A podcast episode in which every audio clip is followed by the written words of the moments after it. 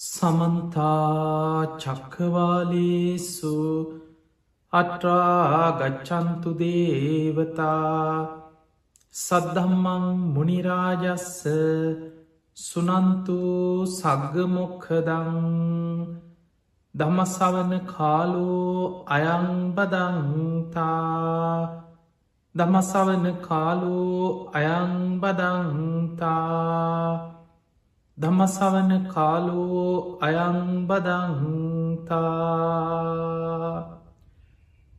නමුතස්ස භගවතු වරහතු සම්මා සම්බුද්ධස්ස නමුතස්ස භගවතු වරහතු සම්මා සම්බුද්ධස්ස නමුතස්ස භගවතු වරහතු සම්මා සම්බුද්ධස්ස හැම දෙනාටම තෙරුවන්සන්න ප්‍රාර්ථනා කරමින් අදත් ඔබ හැම දෙනෙක්ම ඔබේ ජීවිතයට ඉතාම වැදගත් ධර්ම කාරණා රැසක් ශ්‍රවනය කරන්න මේ ධර්මශ්‍රවනයත් එක්ක එකතු වෙච්ච වෙලා. තිං අද මේ ධර්මය ශ්‍රවනය කරන ලක්වාසී ලෝවාසී ඔබ හැම දෙනාටමත්. මේ උතුම් ධර්මශ්‍රවනය නිවන්දොරටුවක් බවට පත්වේවා කියල අපි මුලින්ම ආශිර්වාද ප්‍රාර්ථනා කරන. පෙඟතුනේ අදාපි මේ දේශනාවෙන් කතා කරන්නේ මජ්්‍යම නිකාය බුදුරජාණන් වහන්සේ දේශනා කරපු දේශන අතර මධ්‍යම ප්‍රමාණි දේශන ඇතුළත් කොටස තමයි මජ්්‍යම නිකාය. බුදුරජාණන් වහන්සේගේ දීර්ඝ දේශන ඇතුළත් කොටසට කියන දීගනිකාය. විශේෂ මාතෘකා යටතේ කැටිකරපු විශේෂිත දේශනා එකතු කරපු කොටස තමයි සංයුක්ත නිකාය. ඊළඟට අංක වස්සයෙන් උසස් වෙන පිළිවලට වදාළ දේශනා. අංක එකක් ගැන අංක දෙකක් ගැන. ඒකක නිපාතයේ දුක නිපාතයේ තික නිපාතය ඔය විදිහට කොටස් කරමින් දේශනා කරපු දේශනා එකතු කරපු කොටස තමයි අංගුත්තර නිකාය.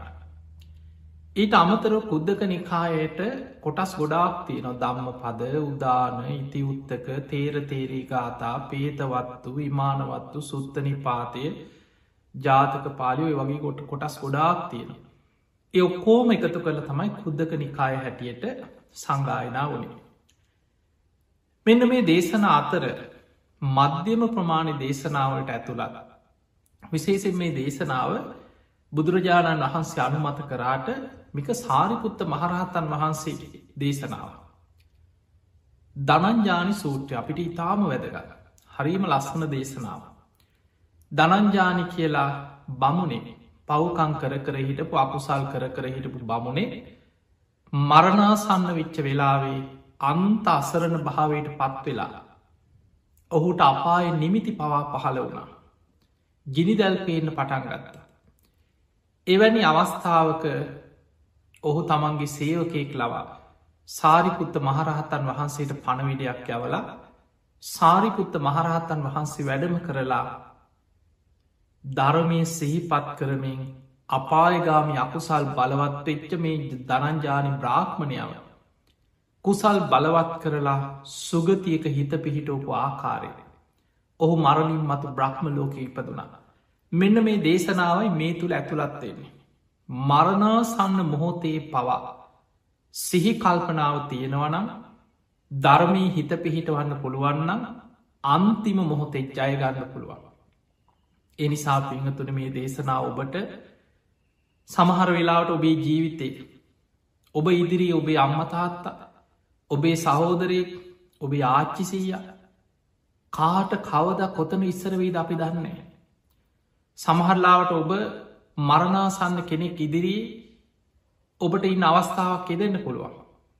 සමට ඔබේ ඔඩොක්කුවේ ඔබ හිස අතගානකොට ඔබ ළඟ පණගියය ඇති ඔබේ ඥාතිී ඔබ සමහලාට රෝහලක වැඩ කරන කෙනෙක් නම් ඕන තරම් ඔබට අත්දැකින් ඇත. එවැනි මොහොත්තක ඔබට පුළුවන්නන් කෙනෙකුගේ හිතේ කුසලයක් බලවත් කරවන්න. කරපු පිනක් සිහිපත් කරලා දෙන. අකුසල් යටපත්වෙන විදිහට හිත පහදවන්න කුසලය තුළ. ඒක ඒ කෙනාට ආසන්න කුසලයක් හැටියට ඊළඟ භවයට උපත පිණිස සුගතියක උපත පිණිස බොහෝම රැකවරණයක් හේතුවක් බවට පත්වෙන්නේ. ති මේ ධනංජානි සූත්‍රයේ සඳහන් වෙන කාරණ වර්තමානයට මේ සමාජයට අකුසල් කරමින් පවකං කරමින් මැරෙන්න්න වැටෙනකන් ජීවත්වෙන මිනිස්සුන්ට ඉතාමත් හොඳ ආදර්ශ ගොඩක් ජීවිතයේ සකස් කරගන්න අවශ්‍ය උපදෙස් ගොඩක් මේ දේශනාව සඳහන් වෙනවා. මේ දනංජානී අකුසල් කරමින් පංච දුෂ්චරිතයේම එදමින් හිටපු කෙනෙ. ප්‍රාණගාත කරනවා හොරකං කරනවා වැරදි කාම සේවනය දෙනවා බොරු කියනවා මත් පැන් බොනවා ඔය පංච දුෂ්චරිතයම යෙදුනා. ඒ වගේම රජ්ජුරුවන්ගේ හිතයිශී කෙනෙක් හැටියට ඒ රාජ අමාත්‍යවරු මේ අය එකතු කරගෙන නොඒක් වැරදි වැඩ කර කර හිටපු කෙනෙ. එතකොට මේ පවකං කරන සමාජය තුළ සාමාන්‍යෙන් මේ අකුසල් කරන අය අද කියන දේවල් එදා ධනංජානිත් ඔය විදිහටම කිය කිය ගියා. ඉන්නකං කාලබීල ඉන්න ඕන මැරිල මොකෙක් වුණ හම්මොකද. දැන් ඉතින් අපි මේකෙන්ම යනව මිසක් ආයිතින් කොහි හැරෙන්න්නද. ඔබහන්සේලාද අපිට කන්න බොන්න දෙන්නේ. අපිට අමුදරුව ඉන්නවා අපි කොහොම හරි හොඳින් හරි නරකින් හරි අපි හම්බ කරන්න ඕන අපි හම්බකරොත් අපි සතුටින් කාලබීලා ඉන්න ඔය වගේ කතා දනංජානිත් ඒ කාලි කිය කිය අකුසල් කර කර හිටපු කෙනෙ. තිං ඔය අතරේ සාරිපුත්ත මහරහතන් වහන්සේ ඔය දනංජාන හිටපු ප්‍රදේශයට වැඩම කරලා උන්වහන්සේ දවසක් පිණ්ඩ පාති වඩිනකොට මේ දනංජානයට සිතුවිල්ලක් පහළ වුණා දානි හැන්දක් බෙදර. ඔහු ඒ වෙලා මොකද කරේ තමන්ගේ නිවසේ තිබිච්ච මේ දානී භාජනයකට අරගෙන පින්ඩ පාත වඩින සාරිපුත්ත මහරහත්තන් වහන්සේට බොහොම ගෞරුවෙන් දං හැඳක් බෙදෙන. එතකට මතක තියාගන්න කෙනෙගේ ජීවිතයේ මොන වැරදි අඩුපාඩු තිබුණත් මිනිස්සු කරන පින්කනුත් නැතුවා නෙමේ. සමහිට බොහෝ අපරාධ කරන පවකං කරන කෙනෙ ජීවිතය එක්ක තමන්ගේ දෙමවපියන්ට ආදරෙන් සලකුණා වෙන්න පුළුවන්. තමන්ගේ සේවකයකුට හරි ගෙදර ඇති කරන බල්ලෙකුට හරි ආදරෙන් කන්න බොඩ්ඩ දෙනවා. එක සතෙකුට කුසගින්න නිවාගන්න එක ආහාරවේලක් දුන්නත් ආත්ම සීය කානිසංස දෙන පිනා. ඒ නිසා කෙනෙක්ගේ ජීවිතයේ පවකං වගේම පුංචි පින්කං හරි එකතු වෙච්ච දේවල් තියෙන පුළුව. තින් දනංජාන මෙහෙම දම් බෙදර වෙලාවේ සාරිකුත්ත මහරහතන් වහන්සේ දනංජානි ගැන දන්න. ඒ වෙලේ සාරිකුත්ත හාන්දුව කියන දනංජානි දන්දීම පිනක්. හැබැයි ඔබ ඔබේ ජීවිතයේ බොහෝ අඩුපාඩු අකුසල් කරමින් ජීවත්වෙන කෙනෙක් ඔබ ගැන මෙවැනි රාවයක් තියෙනවා. ඔබ සිල්වත්වෙන්න. තමන්ගේ ජීවිතයේ සීලාදී ගුණධර්ම ආරක්ෂා කරන්න. සාරිපුත්ත හාමුදුරු බොහෝම කරුණාවෙන් දනංජානිට අර බුක්තාන මෝදනාව දාන ටිකක් දුන්නට පස්සේ දානය වැළඳුවට පස්සේ සාමාන්‍ය ස්වාමීන් වහන්සේලා දාන අනුශාසනාවක් කරද. අර දංහැන්ද බෙදුවට පසේ සාරිපුත්ත හාමුදුරු කරුණාවෙන් සීලේ ගැන දනංජානයට උපදෙස් ටිකක් දුන්න. ඒ වෙලාවෙ දනංජානගේ හිත කැමති උන්නෑ බණහන්න. අපි දන්නවා සමහර වෙලාවට කෙනෙකුට හොඳ නරක කියන්න ගිහාම කැමති වෙන්නේ. අකුසලේටම යෙදිච්ච කෙනා කෙනෙක් ඒකෙන් වලකින්න කියනකොට ඒකට කැමති ඒක තමයි සාමාන්‍ය ස්භාව. ඔය ආටානාටි සූට්‍ර බුදුරජාණන් වහන්සේ පෙන්නවා මහනෙන බොහෝ යක්කු බුදුහාමුදුරුවන්ට ධර්මයට තුනුරුවන්ට අගෞරව කරනවා. තුනුරුවන්ට අපහැදීමෙන් ඉන්නවා. ඒකට හේතුව මේ යක්කු ප්‍රාණගාතාදී අකුසල් කරන්න කැමති. ඒව කරන්න එපා කියනකොට ඒ එපා කියන කෙනායෙක් වෛර බඳනවා ගැටෙන. හොරකමටම කැමති.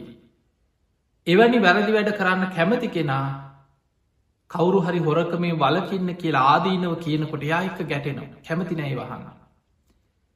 වැරදි කාම සේවනයට කැමති කෙනා ඒකෙන් වලකින්න කියල ඒක ආදීනව කියනවටවත් කැමතින කියන කෙනායෙක් වෛර බඳනවා. ඊළඟට බොරුවෙන්ම ජීවත්වෙන බොරුවටම කැමති කෙනා බොරු කියන්න එපා කියලා ආදීනව පින්නනවට කැමතින ඒවත් එක ගැටෙනවා.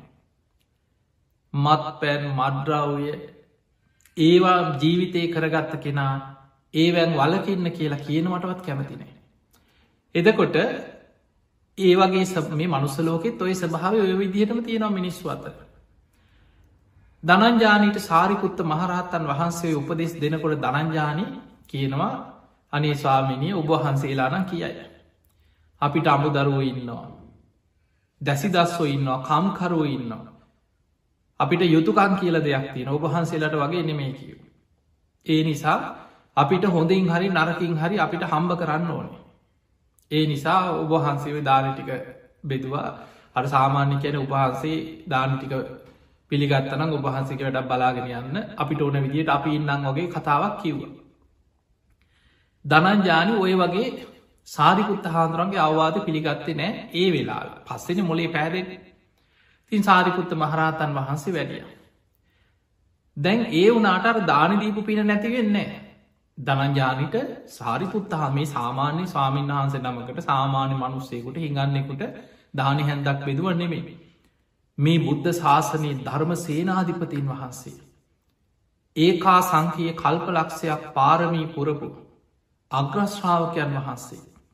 බුදුරජාණන් වහන්සේගේ ධර්ම චක්‍රයේ ඒ විදිහට පවත්වන්න පුළුවන් භික්‍ෂූන් වහන්සේ අතර අග්‍ර සාරිපුත්තයන් වහන්සේටයි දානි හැන්දක් පෙදුව එක මහා පිනක් කොහොට.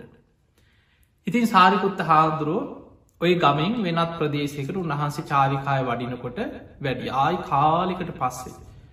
අවුරුදු ගණනාවකට පස්සේ සාරිපුත්ත මහරහත්තන් වහන්සේ ඔය ගම්මානට වැඩම කරා. ඒ වෙනකොට දනංජානි දැන් වයසයි. අර අකුසල්ම කර කර ආයිතින් හැදිච්ච මිනිහෙක් නෙමේ. ඒ ජීවිතයේ පවකං කරලා අකුසල් කරලා පුළුවන් තරන් වැරදි වැඩ කරලා ඔහු වයසට ගිහිල්ල ඔන්න ඔහු ලෙඩ ඇදට වැටිලා. ඔය අතරි සාරිකුත්ත මහරහත්තන් වහන්සේත් වැඩ. සාරිකුත්ත හාන්දුරු වැඩියා කෙන ආරංචිය සේවකයෙක් මාර්ගෙන් දනංජානය දැනගත්ත.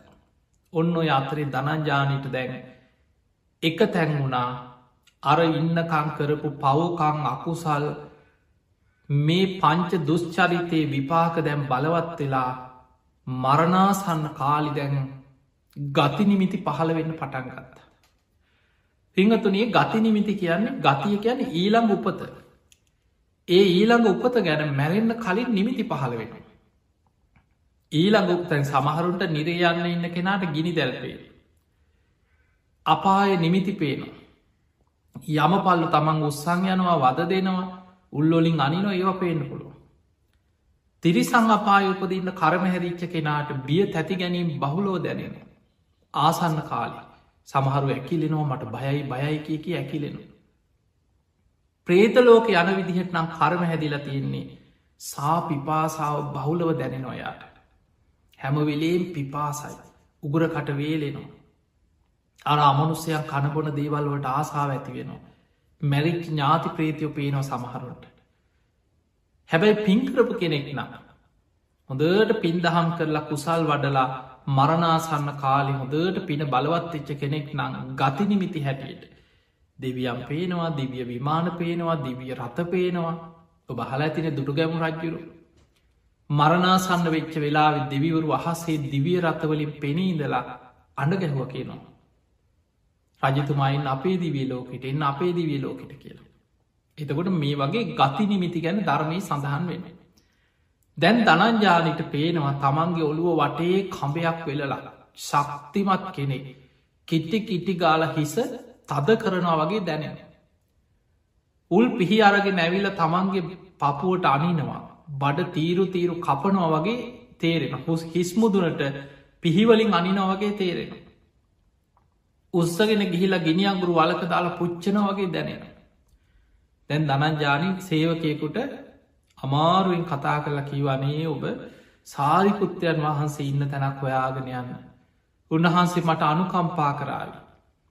උන්වහන්සේ මට බොහෝ කාලෙකට පෙර අවවාද කරා මේ පවකං කරන්න එපා කියලා මං ඒව පිළිගත්තේ නෑදා. අනේ උන්වහන්සේට මං ගැන කියන්න මන් දානි හැන්දක් පූජ කරා දවසක්. උන්වහන්සේට මං ගැන අනුකම්පාවෙන් මාව බලන්න වැඩම කරන්න අනේ මට පිහිට වෙන්න කියලා ඔබ ගිහින් කියන්න කිව හොයාගෙන කිහිල්. තින් සේවකයා දුවගෙන දුවගෙන ගියා සාරිපුත්ත හාන්දුර ඉන්න කොහෙද කියලා හොයාගෙන අහගෙන ගිහිල්ලා සාරිපුත්ත මහරහතන් වහන්සේ වැඩඉන්න තැන හොයාගත්. තින් උන්වහන්සේට ගිහිල්ල වන්දනා කරලා ඒ කාලේ වඳනකොට කෙනෙක්ගේ පණවිඩයක් අරගෙන ගියහාම. ඉස්සල්ලා තමන් වන්දනා කරලා ඔහු වෙනුවෙන් වන්දනා කරනවා. ඒක බුදුහාමුදුරයි කාලෙ වෙච්ච දෙයක්. දැන් බුදුරජාණන් වහන්සේ දකින්නාව සමහට අනාත පිඩික සිටතුමත් ගිලං වෙච්ච වෙලාවේ සේවකයකුට කියන ඔබ ගිහිල්ල මගේ වචනෙන් මේ වන්දනා කරන්නේ අනාත පින්ඩික සිටුතුමා වෙනුවෙන් කියල බුදුරජාණන් වහන්සේට ඔබවදින්. එතකොට තමන් වෙනුවෙන් තව කෙනෙක් තමන්ට යන්න බැයි නම් තව කෙනෙක් ඔය අවලා වන්දනා කරෝනු. ඒක තමන් වෙනුවෙන් කර ඒ ඒ කාල එහෙම දෙයක් තිබිලතිය. ති ඒ වගේ සිදුවින් ගොඩත් ධර්මී සඳහන් වෙනවා. දැන් දනංජානි වෙනුවෙන් අර සේවකයා ගිහිල සාරිපුත්ත හාදුනට වන්දනා කළකිව සාමීනී මේ වන්දනා කරන්නේ දනංජානි බ්‍රාහ්මනතුමා වෙනුවෙන් මං මේ උපහන්සේට වන්දනා කරන්න. දනංජානිට බොහොම අමාරුයි අසාධ්‍යයි. ඔහු මරණාසන්න වෙලා. ඔබහන්සේව සිහිපත් කරලා මෙන්න මේ කාරණය කියන්නක ඔබහන්සේට දවසක් දානයහැන්දක් බෙදලතින බොහෝ කාලිකට පෙර. ඔබහන්සේ අවවාද කරාල නමුත් ඔහු ඒවයි කාලි පිළි අරගෙන්න අනේ ස්වාමීනී ඔබහන්සේට පුළුවන්නම් වඩින්න කීව කියල ඔන්න ආරාධනාව කරා. තැන් සාරිපුත්ත හාමුදුරුව ආරාධනය පිළිගත. එදා උන්වහස පින්ඩ පාති වැඩම කරලා හවස් සරුවයි දනංජානික නිවසට වැඩ තැන් වැඩම කරපු වෙලාවේ බොහොම දනවත් කෙනෙක් ඉති ඒ කාලෙ තමන් ඇද ඒක තැන් වෙලා බොහොම අමාරුවෙන් ඉන්නකොට දැන් ආසනයකුත් පනවල සයකයෝ සාරිකුත්ත හාමුදුරන්ට ඇඳ ළඟම ආසනයක් පනවල තිබ උන්වහන්සේ වැඩම කරලා වැඩ හිටිය. සාරිකුත්ත හාන්දුරු අහනවා දනංජානය කොහොමද ඔබට? දැ ඉස්සරලාම ගිහිලා ලෙඩෙක් ලෙඩේ ගැන්න අහන්න. දැන් ඔබ හිතන්න ඔබ ලෙඩක් ලෙඩෙක් බලන්න ගයා කියලා. ඔබ ස්ප්‍රීතාලවලට යනවා. ඔබේ නෑදැයි ලෙඩ වෙලා ඉන්නවන ගෙවල්වලට යනවා. ගිහිල්ල අපි ගිය ගමන් අහන්නේ කොහොමද? දැන් සනීපද? දැන් වෛද්‍යවරු මොකද කියන්නේ? දැන් හොඳ වෙන පාටක් තියෙනවද? ඉස්සලා ලෙඩේ ගැන අහන්න. ගිය ගමන් බණ කියන්නේ යන්නේ. තින් සාරිකුත්ත හාමුදුරුත් ඇහවා කොහොමද? ඔබට ඉවසන්න පුළුවන්ද? දරාගන්න පුළුවන්ද. කච්චිතේ කමනියම් කච්චි යාපනිය කච්චි දුක්ඛාවේදනානු අභික්කමන්තිනෝ පටික්කමන්ති කොහොමද ඔබේ දුක්වේදන අඩුවෙන පාටක්ද තියෙන එන්න එන්න වැඩි වෙනවද කෙලෙහු. අන්න එතකොට දනංජාන උපමා හතරකින් කියන ඒ කාලි ගොඩාක් දේවල් බුදුහාන්දුරයි කාල උපමාවලින් කෙනෙකුට තේරුම් ගන්න පුළුවන් විදිහට උපමා කියලා තියෙන.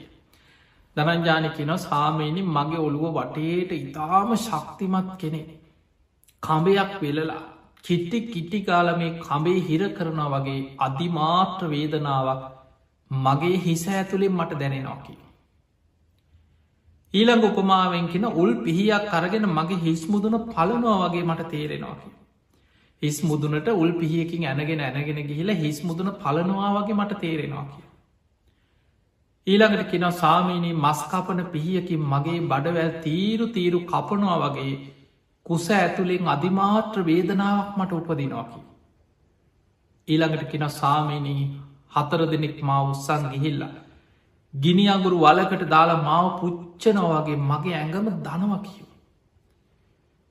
ඔන්න බලන්න මරණාසන්න මොහොතේ පහළවෙච්ච නිමිති වේදනා තමන්ට දැනෙන දේවල්ද හතර දෙනෙක් උත්සන් ගිහිල්ලක් ගිනිියගුරු වලක දාලා පුච්චනවගේ තේරෙනවා. උල් පිහිවලින් අනිනවගේ තේරෙන ඔළුවට.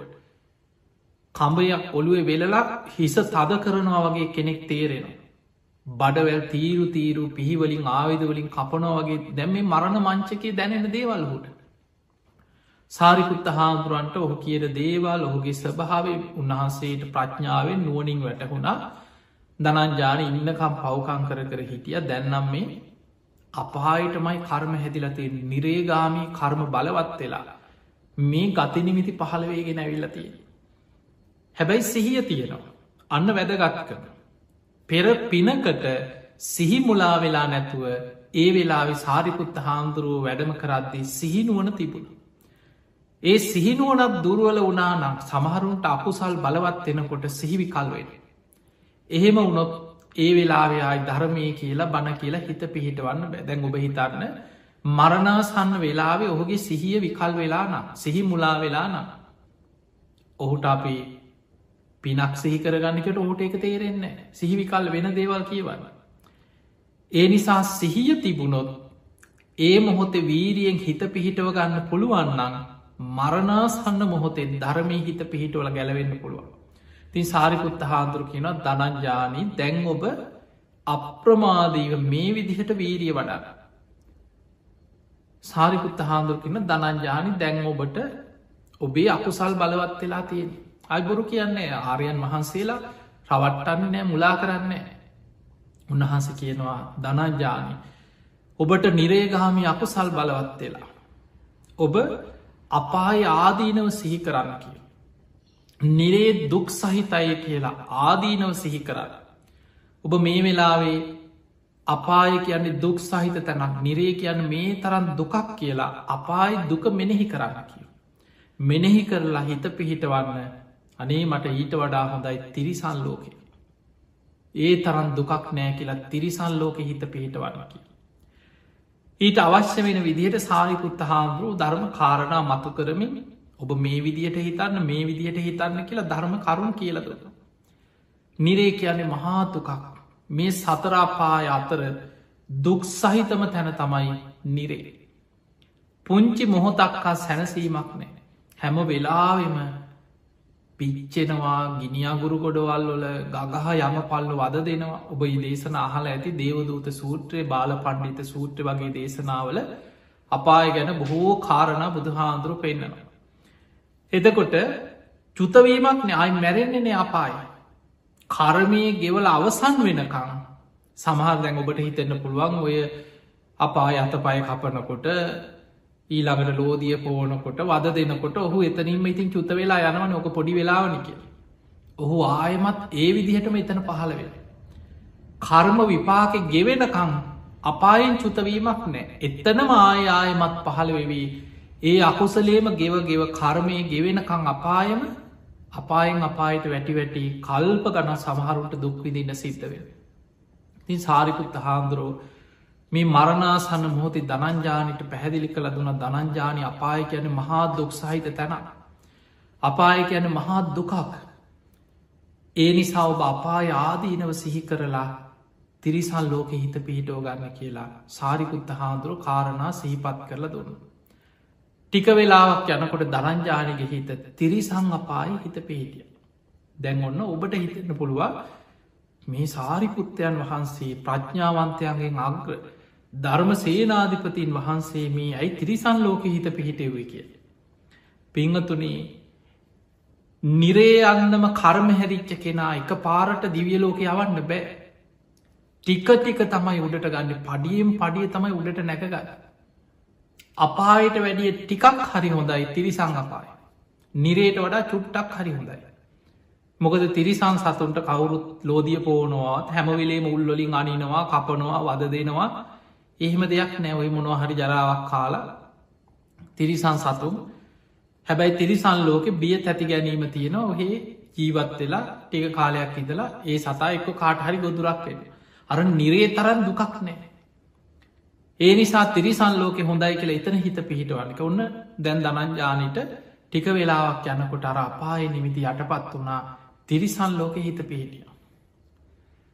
ඊට පස්ස සාරිකුත්ත හාන්දුරු කියනවා දනංජානි දැන් ඔබේ හිත පිහිටලා තියෙනෙ තිරිසං අපාය. දැන් ඔබ තිරිසන් ලෝකෙ දුක් සහිතයි කියලා දැන් ඔබ ආදීනෝ සහි කරන්න පටන් ගන්න. තිරිසන් සතුන් කියලා කියන්නේ ඒ අපායක් කියව. කෙනෙකුට දකින්න පුළුව කෙනෙක් හිතන්න පුළුවන් අනේ හරි ලස්සනයි විසිතුරු යනේ මට එහෙම හිතනයි මේ පින්කං කරන සමහරු පවා හිතනවා මට කුරුල්ලෙක් වෙලා ඉන්න තියෙනවන.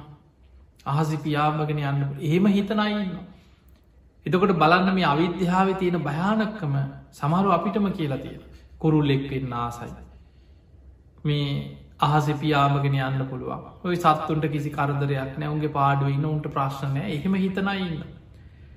අපායි හිත පිහිට ඕනවා අවිද්‍යාව නිසා. සාරිකුත් හාන්දුරු කියනවා දනංජානී අපාය කියන්නේ දුක් සහිත තැන. පුංචි සතා තව සතෙක්කි ගොදුරා.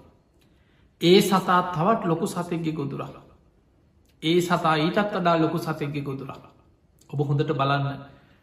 තිරිසන් සත්වයන් තුළ මුළු තිරිසන් ලෝකෙ පුරාම තියෙන්නේ බිය තැති ගැනීම. හැම වෙලාම මේ සත්වයන් ඉන්න බියෙන් තැති ගැනීම. කොයි වෙලේ තමන් තව සතයකුට ගොදුරක් වෙයි දන්නෑ කියලා බයගින් දැන්ඔය ඔබ නිකන් සාමාන්‍යෙන් බලන්න පුංචි මාළුව ඉන්න තැනකට ගල්කටයක් විසි කරල බලන්න කොච්චර බයෙන් සැනින් ඒට මෙහට ගිහිල හැන්ගෙන තැනක් හොයාගන්න. අත්තක් කැඩෙන හඬත් ඇති ගහක කොලයක් වැටුනත් අත්තක වහලයිට කුරුල්ල සැනින් පියාමගෙන යන බය වෙලා.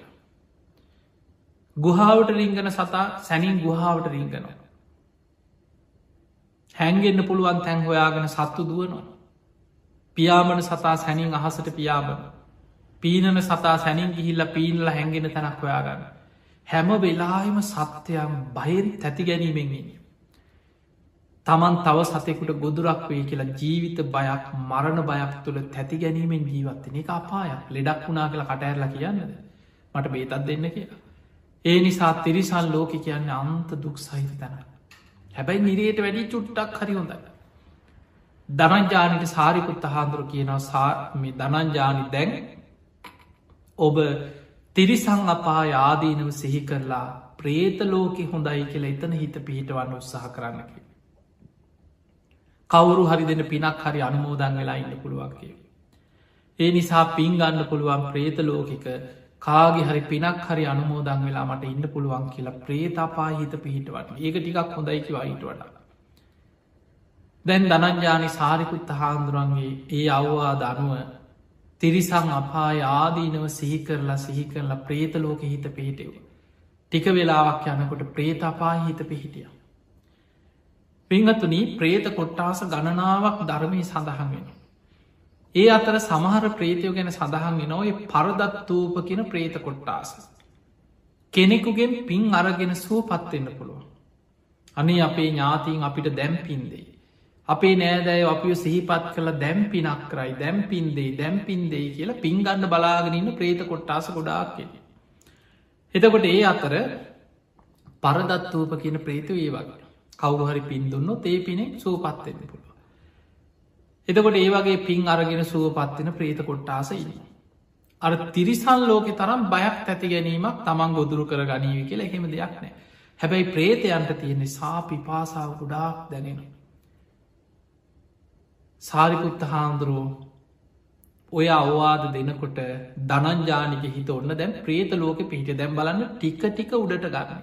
නිරයාදීනව සිහි කරලා තිරිසං අපායි හිත පිහිටයෝ. එතන ආදීනව සිහි කරල දැ ප්‍රේතලෝක හිත පිහිටයෝ. ප්‍රේතලෝකෙත් හිත පිහිටිය දැන් දනංජානීගේ හිත ප්‍රේතලෝක හිත පිහිටියන් පස්සේ සාරිකුත්ත හාදුරු කියෙනත් දනංජානී ප්‍රේතලෝක කියන්නේ දුක් සහිතයි කියෝ. එතනත් සැපයක් නෙමේ. ඔබ දැම් ප්‍රේතලෝක ආදීනව සිහි කරන්න පටන්ගන්න. මේ ප්‍රේතයන් කියන්නේ මහා දුකක් විදිනවා.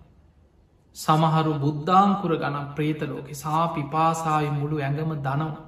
සෙම් සොටු අසූචි මළමුට්ට හොය හොයා කුසගින්න නිවාගන්න. යොදුම් ගනම් ප්‍රේතයෝ දුක්විඳ විද දුවනවා කිය. මේක දුක් සහිත තැනක් ප්‍රේතලෝක. ඔබ මනුස්සලෝක හිත පිහිටවන්න කිව ප්‍රේතලෝක ආදීනව සෙහි කර. ඔන්න දැන් දැන් මනුස්සලෝක හිත පිහිටෝන. මතක තියාගන්න යම් තැනක හිත පිහිටියට පස්සේ එතන ආදීනව සිහි කරන්න. ඒ ආදීනව සිහි කරලා එතනින් හිත මුදෝලා ඊළඟ තැන හිත පිහිටෝල. දැන් මනුස්සලෝක හිත පිහිටිය. හැබැයි මනුස්සලෝක හිත පිහිටන්න නම් පිනක් බලවත්තේ. අන්න එතනද. සීලේක පිහිටෝල පෙරවැරදි තියෙන්න්න පුළුවන් කෙනෙකුට හැබැයි ඒ මොහොතේ සීලේක පිහිටෝල්. තමන් කරපු පින මතු කරලා දෙනවා. සාරිකුත්ත හාන්දුරු ඒ වෙලාවේ ධර්ම කරුණු කියමින් දනංජානිව සීලේක පිහිටවා. අර බත් හැන්දක් පූජා කරපු පින ගොඩාක් බලවත් සාරිකුත් හාන්දුරන්ට දානි හැන්දක් පූජ කරය. ඒ පින සිහි කරනකොට මරණ මංචකයේ පින මතු වෙනවා බලවත්වෙනවා. සීලේක පිහිටලා කරපු පින් සිහි කරන්න සිහි කරන්න ඒ පින මතුවෙලා බලවත්වෙනවා. අකුසල් යට පත්වෙනවා. මතක තියාගෙන සාමාන්‍ය ඔබ දන්නවා සාමීන් වහන්සේ ලදත්. ලෙඩෙක් බලන්න ගියාට පස්සේ. ඉස්පිරිතාලෙකට ගියත් ගෙදරකට ගියත් ගිලං වෙච්ච කෙනෙක් ළඟට ගියත් ඒකෙනාව සිල්වත් සීලේක පිහිටෝ සමයිට මහා අපරාධකාරයක් එන්න පුළුව. සාමි ඔබ දන්නවා සාමාන්‍යයෙන් අපේ රටේ අතීත දැන්නම් ක්‍රියාත්මක නොවනට මරණ දඩුවන් ක්‍රියාත්මක වෙච්ච කාල තිබුණ අපේ රටේ. ඒල්ලුම් ගහ ක්‍රියාත්මක වෙච්ච කාලවල සාමීන් වහන්සේලා එල්ලන දවස අවස්ථාන වෙලා ඊට පෙර මොන්න වැරදි මොන අපරාධ මොනවතිපුනත් ස්වාමීන් වහන්සේ නමක් වඩම්මල උන්වහන්සේ සිල් සමාධන් කරලා බණ කියලා බුදුගුණ කියලා පිරිට්ටිකක් කියලා හිත පිහිට වන්තිම මොහොතේ හරි. ඔහු කරපු අකුසලේ විපාක ඔහු ඒ වෙලා බොක්ති වින්දත් ඊට පෙරහුව සීලේක පිහිටවල ධර්මය සිහි කෙරෙවා. එතකොට සාමාන්‍ය අදත් ස්වාමීන් වහන්සේලා ලෙඩෙක් බලන්න ගිය හාම ස්ත්‍රීතාලිකට ගියත් අපි පන්සේල් සමාධන් කරනවා. පරණ වැරදි තියෙන්න්න පුළුවන් හැබැයි ඔබතුමා දැන් ඉදන් සිල්වල. කාගෙද වැරදි නැත්තේ. දැන් ඔබ හිතන්න අංගුලි මාල හාමුදුරු මොන තරම් වැරදි අපරාධ පැවිදි වෙන්න කලින් කරපු කෙනෙද. උන්වහන්සේ සීලේක පිහිටියට පස්සේ බුදුහාමුදුරු පෙන්නුවේ හරියට වලාපුලින් මිදිච්ච පුන් සඳක් වගේ. එයාගේ ජීවිතේ කුසලේ තුළ පින තුළ ඊට පස්සේ බැබලෙන්න්න පටන් අර අකුසල් කර කර පව්කං කර කර පංච දුෂ්චරිතය ඉන්න තාක් කල් ඒ සඳ බැබලෙන්නෑ වලාකුලෙ බැහිලතියෙන්. හැබැයි යම් දවසක හිතනවා අද ඉදම්මන් සිල්වත්තෙද. අදයි නම්මන් ධර්මී පිහිටනවා. අදයි නම්මන් ගුණධර්ම පුරණවා කියලා යම් දවසක ධර්මයට එනවා. ඒ මොහොතේ ඉදං වලාකුලින් මිදිච්ච පුන් සඳ වගේ ධර්මය තුළ ජීවිතය බැබලෙන්න පටන් ගන්න. ධර්මී තුළ ජීවිතයේ ආලෝකමත්වෙන්න පටන් ගන්න. ඒ නිසා කෙනෙක්ගේ මොන පරණ වැරදි මොනවා තිබුණත් ඔබ සීලේක පිහිටියට පස්සේ ඔබ දක්ෂ වෙන්න ඕනයි පරණ වැරදි හිතෙන් අයින් කර මං දැන් සිල්වත් අන්න එතනයි දියුණුවතිය. දැ සමහරු ඉන්නවා මානසික වසයෙන් ඒ ශක්තිය නෑ හිත රැක ගන්න. ඒ අයි ජීවිතයේ පන්සිල් ගත්තත් පරණ වැරදි හිත හිතා පසු සැවෙන අයියෝ මගේ කාලෙ මෙහෙම වැරදි කරා. ඉස්තර මං මේ වගේ පවකං කරා. මං ඒ කාලෙ නොදන්න කාලෙ මේව කරා දැන් ඒ ඒ කාලේවා. හැබැයි ඒවා දැන් ඔබ හිතන්න හිතන්න වෙන්නේ ඒ කරපු අකුසල් බලවත්වෙන. හිතන්න හිතන්න බලවත් මතක තියාගන චේතනා පහල කරල තමයි අපි හිතෙන් හිතන්න. චේතනා පහල කරලා අපි කතා කරන්න. චේතනාව සිතකය වචනය තුන්දොරින්ම චේතනාව තමයි කර්මය. කරපු අකුසල් ගැන හිතන්න හිතන්න යකුසලේ බලවත්වෙන. ඒ නිසා ඔබ සීලේක පිහිටියට පස්සේ හිතන්න ඕන මන් දැන් සිල්වත් පරණවැරද දැම්මට අදාලනෑ මන් දැන් සිල්වත්. මං අද ඉදං හරි මේ ශික්ෂාපද දිවිහිමියෙන් රැකගන්නවා කියලා ඒ අලුත් කරගත්ත සීලේ පිරිසිදුව ඉදිරියට අරගෙනයන්න ඔබ දක්ෂ වෙන්නට ඕන. අන සාරිකුත්ත හාන්දුරල් දනංජානීට සීලේක පිහිටල පින බලවත් කරද්දී. ප්‍රේතාපහයෙන් හිතමිදුනා. මනුස්සලෝක හිත පිහිටිය. දැන් දනංජානයට ලොකූ සතුටක් ඇති වුණා. අම්බෝ මං ගැලවුණා කියලා. ගැලවුණා නෙමෙයි සාරිකුත්ත හාන්දුරු කිනවත් දනංජානී මනුස්සලෝකෙ දුක් සහිතයි කිය. මේ මනුස්සලෝකේ දැන් ඔබ මනුස්සලෝකෙට ඇවිල්ල මැරෙන්න්න වැටෙනකම් මොනවද ඇහව කරගත්ත. ඔබ මොන තරම් අනතුරකට ජීවිතේ වැටුනේ.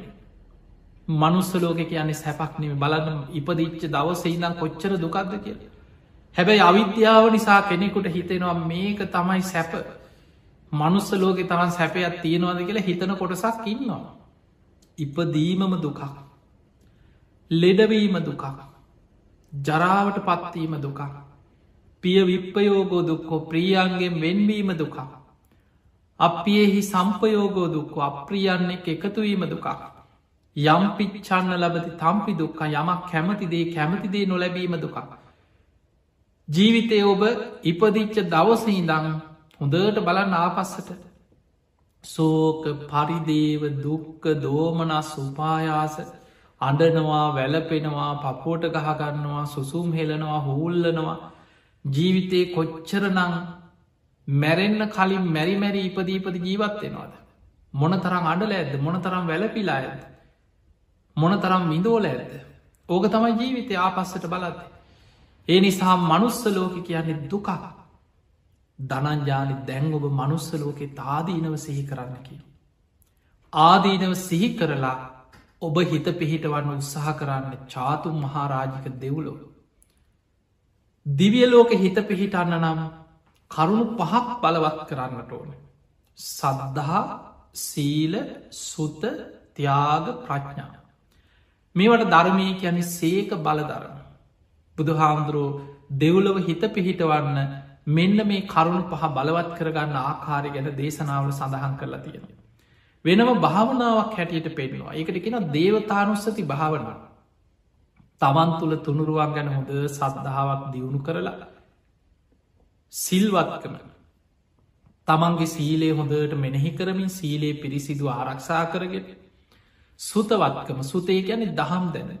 කුසල් අකුසල් පින් පව් මෙලෝ පරලව ගැන සම්මාධිත්‍යය ගැන ධර්මය තුළ තමන් ඇතිකරගත දහම් දැනුම තමා තුළින් මෙනෙහි කරලා ඊළඟට ත්‍යාග සම්පත්ති අතහැරීම දන්දීම කරපු පින්කං තමන්ගේ ජීවිතේ තමන් පුරුදු කරන ත්‍යාගාදී ගුණධර්ම මෙනෙහි කරලා ඊළඟට ප්‍රඥා භාවනා තමන් හිත වඩලා අනිත්‍ය මෙනෙහි කරල අනිත්‍ය දුක් අනාත්මාසේ මේ ලෝකයේ අතාස භාවේ මෙනෙහි කළ ඇති කරගත්ත වැටහි මෙන්න මේ කරුණු පහ සදහා සීල සුත ත්‍යාග ප්‍රඥා. ඔය කරුණු පහ බලවත් වෙනකොට එයාගේ හිත දෙව්ලෝ පිහිටට. දැන් සාරිකුත්ත මහරහතන් වහන්සේ දනංජානිට අන්න ඒ කරුණු පහ බලවත්වෙන විදිහට ධර්ම දේශනා කරනවා.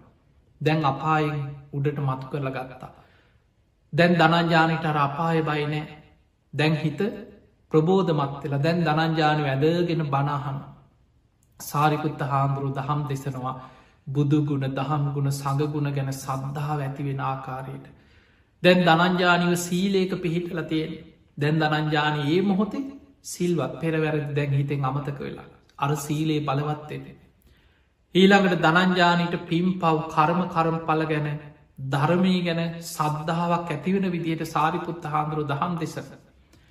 දනංජානි කරපු පින් එක බත් හැන්දක් පූජ කරා සාරිපුත්ත හාදුරන්ට ඒ පින දැම් බලවත්වෙනවා. ඊළඟට දනංජානයට අනිත්‍ය ගැන මේ අතහැරීම ගැන කාමයන්ගේ ආදීනව ගැන සාරිපුත්ත හාන්දුරු දහම් දෙසන හිත පැහැදුනා. මනුස්ස ලෝකෙන් හිත මිදිලා චාතු මහාරාජික දෙව්ලොව හිත පිහිටියාව. දැම් බලන්න මේ නිරේ යන්න හිටපු කෙනා. කල්්‍යයාන මිත්‍රයෙක් ළඟ ඉදීමේ වටිනාක.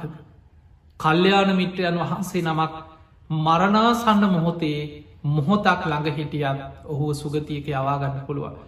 දනංජානක හිත බ්‍රහ්ම ලෝක පිහිටිය මේ දෙව්ලෝ පිහිටිය චාතු මහාරාජික දිවිය ලෝකෙ. සාරිපුත්ත හාන්දුර එතනින් අතර කරෙත් නෑ. සාරිපුත්ත හාන්දුරු කියනත් දනංජානී ඔයිට වඩා සැප සහිතයි. තවතිසා දෙව්ලෝ ඊටත් වඩා හොදයි කියව. දෙදෙව්ලෝට අධිපති සක්‍ර දෙවියන් ඉන්නේ ඒ දිවිය ලෝකය. සක්ක දෙවියන් සොවාන් වෙච්ච කෙනෙක් ඔබ දන්න. සක්ක පඥ සූත්‍රයේ සඳහන් වෙන.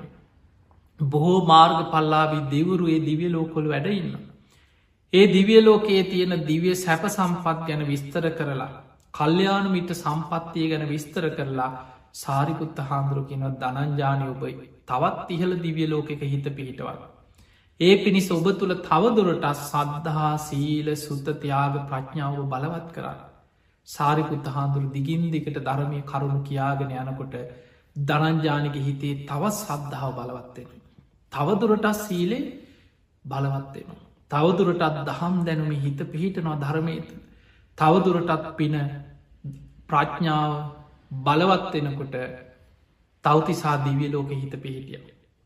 සාරිපුත්ත හාන්දුරුව එතනෙනුත් නවත්තන්න නැතු කෙන දනංජානී ඊටත් වඩා තව සැප ඇති දිවිය ලෝක තියෙනවා. යාම දිවිය ලෝක. ඊළඟට සාරිකුත්ත හාන්දුරු කියනවා තවත් ඉහල දිවිය ලෝකයක් තියෙන තුසිත දෙව්ලෝ. බෝධි සත්වයන් වහන්සේලා බෝසතාණන් වහන්සේලා පාරමීපුරණ උත්තමයන් වහන්සේලා පහළවෙන්නේ දෙව්ලු. ඊළඟට නිම්මාන රති පරණිමිත වසවාර්ථ ඉහලට ඉහලට දිවිය තලවල හිත පිහිටව. දැන් ඔහම බණ කියාගෙන යනකොට දනංජානික හිත පැහැදිලා ධරමී තුළ හිත ප්‍රබෝධමත් වෙලා හිත එකඟ වෙනවා. සාරිකුත්ත හාන්දුරු දනංජානිට කියනවා දනංජානී ඔබ මෛත්‍රියේම හිත පිහිටවන්න. ඔබ දැන් සියලු සත්‍යයන්ට මෛත්‍රී වඩන්න. ඉස්සල්ලා තමන් අරමුණු කරගෙන හොඳට තමන් මම නිදුක්කෙම්වා නිරෝගිවෙම්මා සුවපත්තෙම්වා කියලා ඔබ ඔබට මෛත්‍රී කරන්න. ඊළඟට මේ ඔබ වටායින සියලු දෙනාට මෛත්‍රී කරන්න. ප්‍රමාණ වසේ ප්‍රමාණයක් කරගෙන ප්‍රමාණ විශාල කර කර මෛත්‍රී පතුරන මහක්ගත චේතෝ විමුක්ති. අප්‍රමාණ චේතෝ විමුක්තිය ගැන දිසා වසේ. අනන්තෙට විහිදෙන අප්‍රමාණයි. උතුරු දිසාාව උතුරු අනු දිසාාව නැගෙනහිර දිසාාව නැගෙනහිර අනු දිසා බටහිර දිසා බටහිර අනු දිසා දකුණු දිසා එතකොට ඔය විදිහට උඩ දිසාාව යට දිසාාව අපි කිය නොකට දස දිසා. ඒ දස දිසාම අරමුණු කරල මෛත්‍රී වඩන. කරුණාව මුදිතා උපෙක්කාව පුරුදු කරන්න. සාරිපුත්ත හාන්දුරුවේ කරුණු කියාගෙන බණ කියාගෙන යනකට දනංජානික හිතේ අර මෛත්‍රී අරමුණ තුළම හිත තැම්පත් වුණ. බලන්න දනංජානි කොච්චර පවකං කර කර හිටියත් පෙර විශාල පිනක් තිබුණ මරණ මංචකයේ සාරිපුත්ත හාන්දුරු වගේ කෙනෙක් කල්්‍යයාන මිත්‍රයෙක් ළඟ බණටිකක් අහන්න තරම් අන්තිමට පණයන්න කලින් දනංජානිගේ හිත ධර්මීම් පිරිලගිය. මුළු ශරීරයම ධර්මාස්වාදී ප්‍රබෝධමත්තුර. හිත සද්ධාවෙන් පිරිලගිය.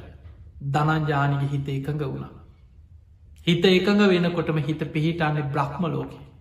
සමාධයක් තුළ හිත පිහිටන්නේ බඹලොව. සාරිකුත්ත හාන්දුරන්ට තේරුණා දැන් දනංජානික හිත එකඟ වෙලා. බ්‍රහ්ම තලයක හිත පිහිටල තියෙන. ඒ වෙලේ සාරිපුත්ත හාදුරන්ට හිතුනා ඔය ඉතින් මදය කියලා. සාරිපුත්ත හාදුරු හිතුව දරංජානි කියන්න ඉතින් ඉන්නකං බ්‍රාහ්මනා මේ පින් පව විශවාස කරගෙන තුනුරුවන් අදහගෙන හිටපු කෙනෙක් නෙමේ.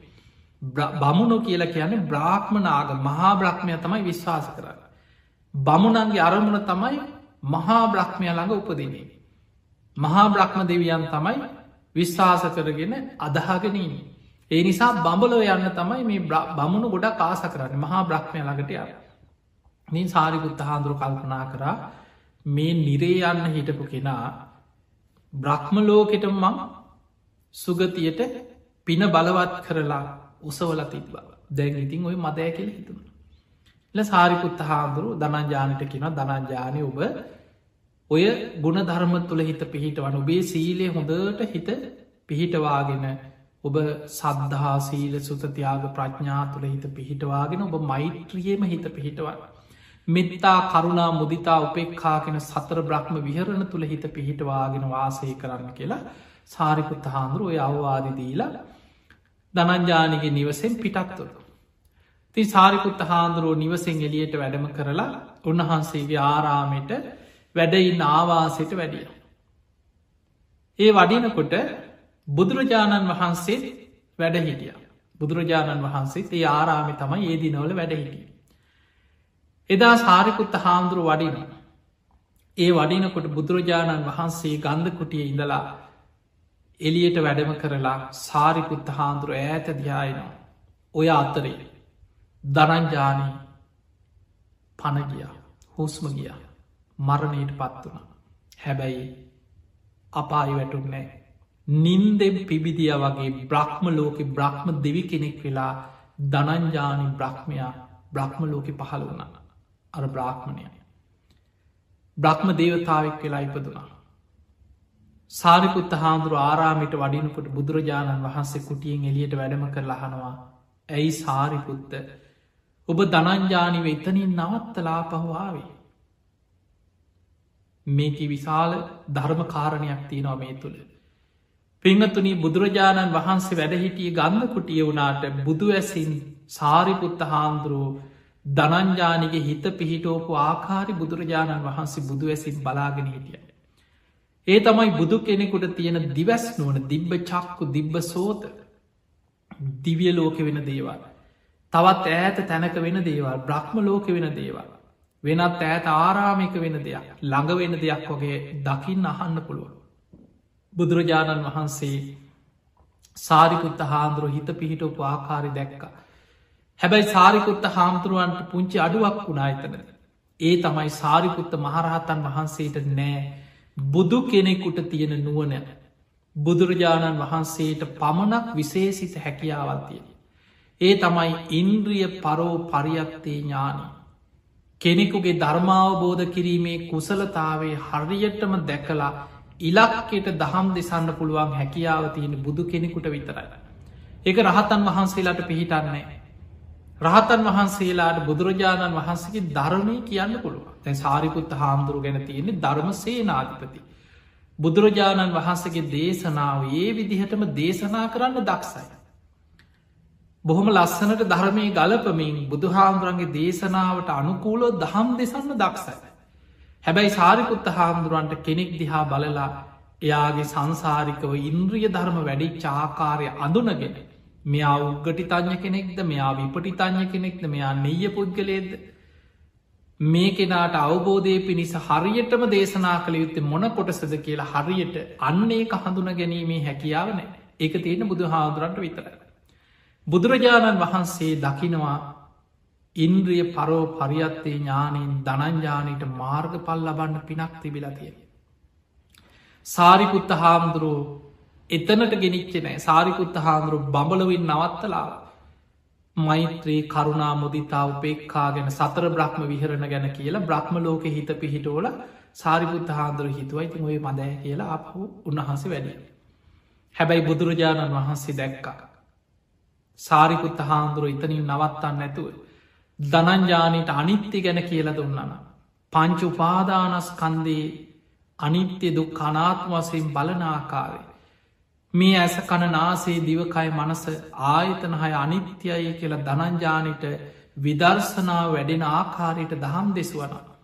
චතුරාර් සත්‍ය අවබෝධයට උපකාර වෙන විදිහේ ප්‍රඥාව වැඩෙන විදිහට සාරිපුත්ත හාමුදුරු ධර්ම දේශනා කරන්නන් දනංජානි බඹලෝ යන්නේ මාර්ග පලාවබෝධයක් එක්ක.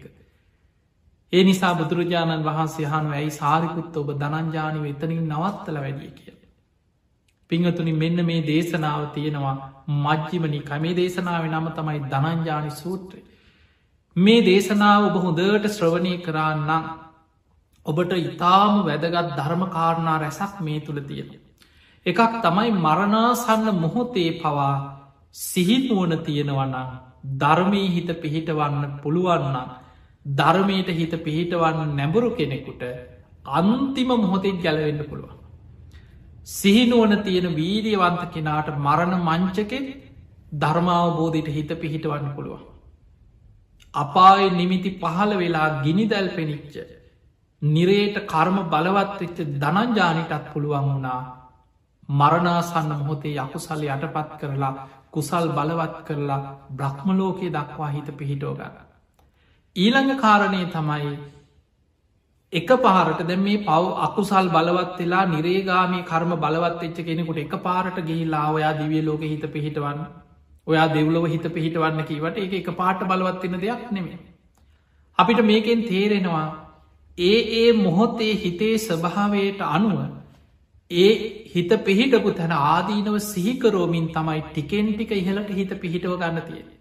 දැම් බලන්න සාරිපුත්ත හාමුදුරුව හිත පිහිටෝපු ආකාරය දනංජානික හිත නිරේ හිත පිහිටලා තියෙනකොට නිරයාදීනව සිහි කළ තිරිසන් ලෝක හිත පිත් චුට්ටක් උඩට හිතගත්ත. එතන හිත පිහිටියට පස්සේ තිරිසන් ලෝක ආදීනව සිහි කරෙව්. ප්‍රේත ලෝක හිත පිහිට අන්න එතන හිත පිහිටනකොට ප්‍රේත ලෝක ආදීනව සිහි කරන්න කිය. තමන්ගේ හිත යම් තැනක පිහිටියද එතන ආදීනෝ මෙනෙහි කරලා බලවත් කරලා ඊට වඩා උසස් තැනක හිත පිහිටෙව්. මනුස්ස ලෝක හිත පිහිටෙව්වට පස්සේ එතන ආදීනව සිහි කරල දන්න.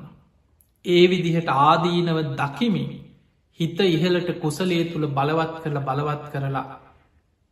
ඒ මොහොතේ හරි සීලේක පිහිටවල පින බලවත් කරලා දීලා සද්ධාදී ගුණ ධර්ම ඇති කරලා දීලා මරණාසන්න මොහොතෙත් අකුසල් යටපත් කළ කුසල් බලවත් කරන්න පුළුවන් වුණ. ඒ නිසා මේ දේශනාවෙන් අපිට පේනවා කෙනෙක් තුළ ඊළඟ එක තමයි බුදුරජාණන් වහන්සේ බුදු ඇසින් දැක්ක දනංජානිට ධර්මාවබෝධ කිරීමේ කුසලතාවයක් පෙර සසර පිනක් තිබිලතිය. ඒ නිසා යහන්න චාරිකුත් ඇයි ධනංජානය ඔබ එතනින් නවත්තලාව. එහෙමනම් අපිට පේනවා සමාජි සමහලාට මහා පෞකාරයෙක් වෙන්න පුළුවන්. අකුසල්ම කර කර අකුසල්වලින් වැහිලා ඉන්න කෙනෙක් වෙන්න පුළුවන්. හැබැයි ඔහු තුළ සැඟවෙච්ච පෙර පින්තියෙන්ට පුළුවන්. සසර කරපු පින් කුසල් යටපත් වෙලා තියෙන්න්න පුළුවන්. මාර්ග පල් ලබන පිනක් තියෙන්න්න පුළුව යටපත් වෙලා. ඔබ අහල ඇති අජාසත්ත රජ්ජුරුව පවා සෝවාන් වෙන්න පිනක් තිබ්බ කෙනෙ. හැබැයි ඊට පෙර පාපමිට්ට සේවනය නිසා කුසල් කරලා පවකං කරලා තමන්ගේ පියාමරලා පීටරූ ගහතන අකුසලයක් කරලා නිරේගාමී කර්ම රැස්කරගෙන අපායට වැටුණ. බුදුරජාණන් වහන්සේක තැනක දේශනා කරනවා මහනෙන මේ අජාසත්ත රජ්ජුරු පීට්ටු ගහතන අකුසලේ නොකරන්න එදා බුදුහාමුදුරු දහම් දෙසලා බනාහල අවසන් වෙලා වන්දනා කළ අජාසත් රජ්ජුරුව හිත සතුටින් නැකිට ලඟ පිටත් වුණ. ඊට පස්ස බුදුරජාණන් වහන්සේ සංඝයාට කියනවා මහනෙනමේ අජාසත්ත පාපමිට්‍ර සේවනයට හසු වෙලා අකුසල් කරලා පීට්ටූ ගහතන අකුසලේ නොකරානං අද මෙතනින් නැකිටිනි සෝවාන් වෙලා කිය. සෝතාපන්න පලට පත්වෙන්න පින තිබුණා. හැබැයි ඒ පින ආනන්තරය අකුසලින් එදා වැහිලගිය. ඒ නිසා පිංහතුන මේ ජීවිතයේ පංචානන්තරය අකුසලයක් නොකර කෙනෙකුට මේ ජීවිතය තුළ වීරිය ගත්තොත් ඔබ තුළ ධර්මාවබෝධය ලබන පින් යටපත් වෙලා තියෙන පුළුවන්. ඒවා යටපත්ම වෙලා අපායට වැටෙන විදිහට ජීවත්වෙන්න එපා. මරණාසන්න මොහොතේ හරි සමහල්ලාට මේ බණටි ඇහෙන්නේ තරුණ වයසෙන තරුණ වයසිදං වීරිය වඩා. මේ බණටික ඇහෙන්නේ ඔබට මැදි වයසෙන. එතන ඉදම් පටන් ගන්න ජීවිතේ. අකුසල් හදාගෙන කුසල් වඩාගෙන අදයි නම්මන් ධර්මී තුළ යනවා කිය. මේ බණටිකෝබට ඇහෙන්නේ වයසට ගිහිල්ලනම් සහිකල්පනාව තියෙනවනම් දැන් අපි ප්‍රමාදයි කියලා හිතන්න එපා ඔබ ඔතන ඉදම් පටන්ග. මේ බණටික ඔබට ඇහෙන්නේ ඔබ ලෙඩ ඇඳේ ඉන්න කොටන. සමහට ඇදේ නැගිට ගන්න බැරුව ඉන්නකොට බණහනව ඉන්න පුළුව. එතකොට හිතන්න එපා දැන් අපේ කාලීවර යනේ දැන් නැගිට ගන්නත් බෑ දැන් ඉතින් ඇඳේ දැන් ඉතින් කවදමරයිත් දන්න දැන් කරන්න දෙයක් නෑ කියල හිතන්න එපා. ඔබට දැනු සිහිනුවන තියෙනවනං දැනුත් ඔබට අවස්ථාව තියෙනවා. ඒ නිසා මරණාසන්න මොහොතේ අවසාන මොහොතේ පවා අපායගාමි අකුසල් බලවත් වෙලා ගිනිදැල් පෙනිච්චාය පවා. ධර්මී හිත පිහිටලා සුගතිය ගියා ඒ තමයි මේ ධර්මී තියෙන ආශ්චරය. අන්නේ ධර්මි ආශ්චරය තේරුම් අරගෙන මේ ධර්මය තුළ හිත පිහිටොල ඔබ හැම දෙනාටමත්. අප්‍රමාදී වකුසල්ලි යටපත් කරගෙන කුසල් බලවත් කරගෙන උතුම් වූ ධර්මීම දියුණු කරගන්න ධර්මීම අවබෝධ කරගන්න වාසනාව ලැබේවා ලැබේවා ලැබේවා කියලපි ආශිර්වාද කරනවා. ආකා සට්හාච බුම්මට්හා දේවානාගා මහිද්දිකා පුഞ්ඥන්තං අනුමෝදිත්වා චිරන්රක්කන්තු ලෝක ශාසනං ආකා සට්හාච බුම්මට්හා දේවානාගා මහිද්දිකා පුഞ්ඥන්තං අනුමෝදිත්වා චිරන්රක්කන්තු දේශනං ආකා සට්හාච බුම්මට්හා දේවානාගා මහිද්දිකා පුഞ්ඥන්තං අනුමෝදිත්වා චිරන්රක්කන්තුතුවං සදා හැම දෙනාම නිදුක්කේවා නිරෝගිවේවා සුවපත්තේවා සුවපත්තේවා සුවපත්තේවා. හැම දෙනාටම සම්මා සම්බුදු සරණ.